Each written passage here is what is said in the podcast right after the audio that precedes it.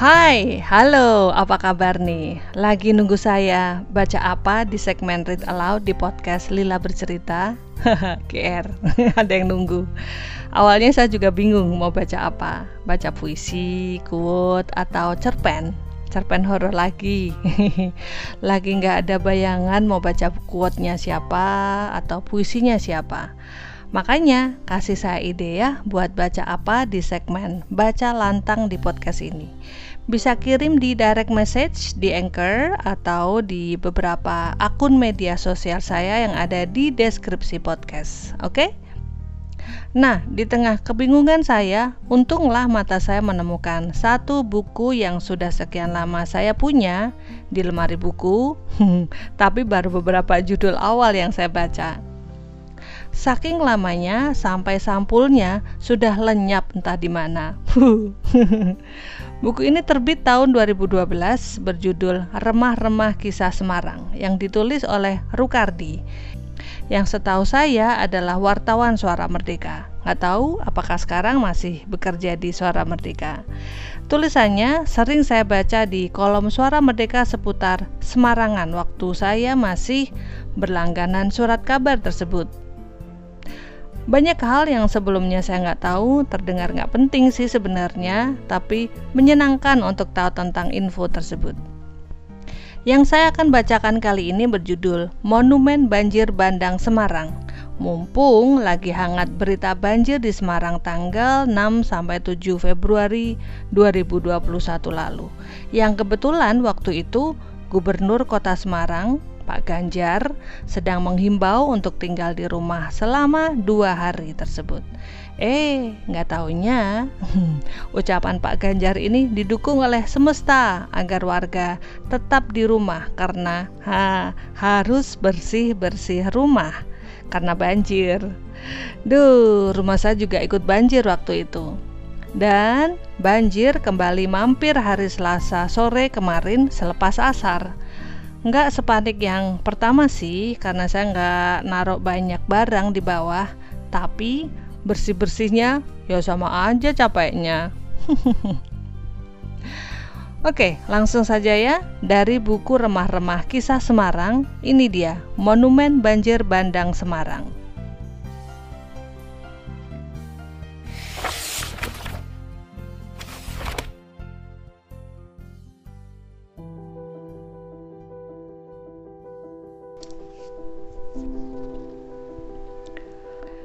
Kota Semarang yang menurut kajian Van Bemelem dibangun di atas bekas lautan, menyimpan potensi banjir yang besar. Sejarah mencatat, kota ini kerap dilanda banjir tahunan. Banjir terutama berasal dari luapan air Kali Garang. Kita bisa mengetahui banjir bandang yang pernah terjadi di kota ini melalui literatur, baik dokumen maupun buku. Namun ada sebuah artefak yang memberi gambaran lebih real mengenai sejarah banjir di kota Semarang. Itulah penanda tinggi muka air di Pleret alias pintu air banjir Kanal Barat yang menjadi pembatas Kali Garang dengan Kali Semarang. Wujudnya semacam grafik dengan garis-garis horizontal berwarna merah yang dilengkapi deretan angka. Garis-garis itu merupakan penanda tinggi muka air Kali Garang dari masa ke masa.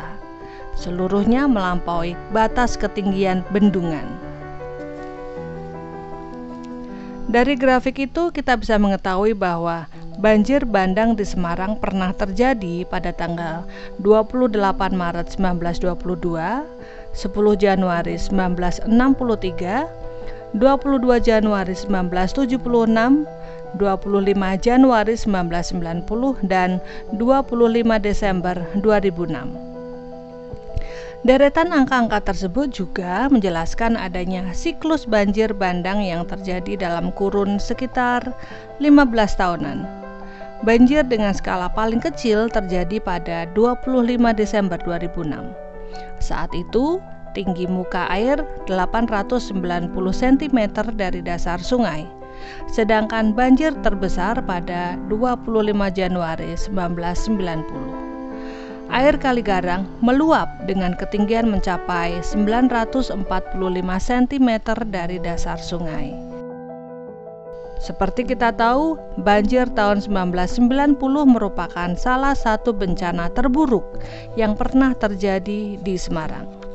Saat itu, Kali Garang mengamuk dan meluluh lantakkan daerah di sekitarnya.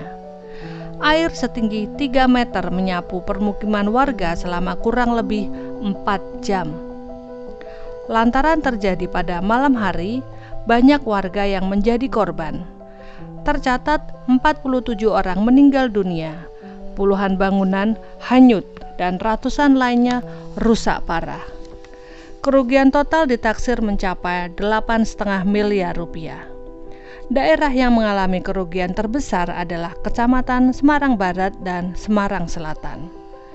Ya, grafik di pleret banjir kanal itu menyerupai monumen yang menyimpan banyak kisah muram. Selain bencana dahsyat tahun 1990, ia juga merekam banjir-banjir lain yang berskala lebih ringan. Akankah ada garis horizontal baru yang lebih tinggi dari sekarang? Hah, semoga tidak.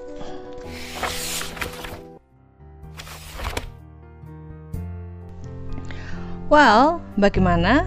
Ada yang mengalami kebanjiran di tahun-tahun yang saya sebutkan tadi? Kebetulan saya tinggal di Semarang Barat seperti yang disebutkan sebagai lokasi terparah banjir bandang tahun 1990.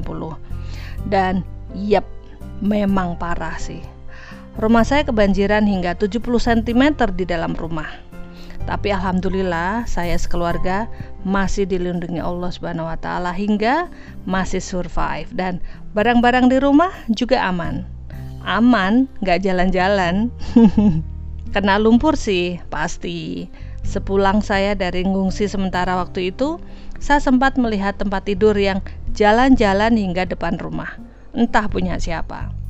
Beberapa orang mengalami trauma selepas banjir bandang tersebut karena menurut cerita mereka langsung bangun tidur dan bergegas akan mengungsi begitu terdengar suara hujan turun.